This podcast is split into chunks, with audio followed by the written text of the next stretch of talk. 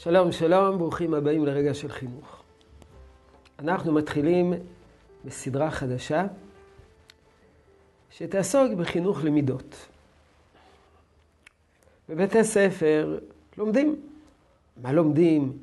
לומדים תורה, לומדים מקצועות חול. ומה בבית לומדים? כמובן, גם תורה וגם מקצועות חול, אבל בעיקר מידות. כן? מידות. דרך ארץ קדמה לתורה. אמנם אין מצוות שמתייחסות למידות. כמעט אין מצוות. אין מצווה להיות ענב, אין מצווה להיות שמח, אין מצווה להיות חרוץ, אין מצווה להיות אדיב. ומדוע? יש אומרים שדרך ארץ קדמה לתורה. המידות קודמות. על תשתית מידות טובות באות מצוות התורה, תרי"ג המצוות. יש אומרים שאין מצוות במידות מפני שאפשר לכמת אותם. מצוות הן ציוויים שניתן לכמת. אתרוג, יש לו שיעור מינימלי, שופר, גודל השופר, מספר התקיעות, אורך התקיעות. לעומת זאת, כמה להיות ענב, כמה קילו, כמה ליטרים של ענבה. זה תלוי הרבה בנסיבות שונות ומשתנות, וזה גם עניין מאוד מאוד פרטני.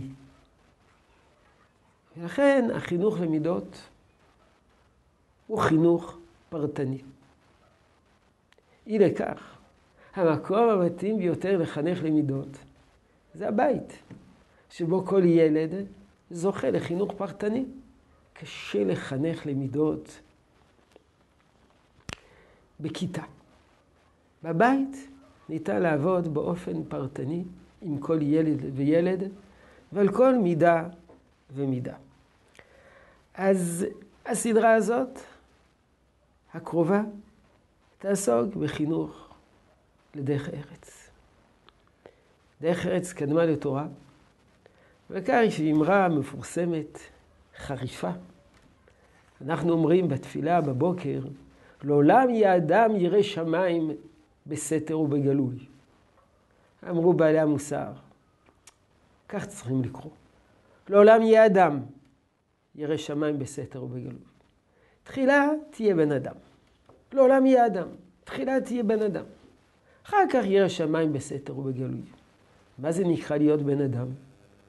דרך ארץ שקדמה לתורה.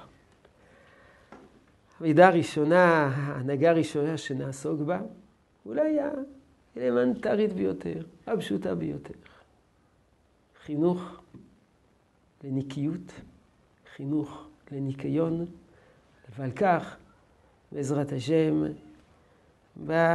ברגע של חינוך הבא, יהי רצון שתשרה ברכה בעבודתנו החינוכית. שלום, שלום.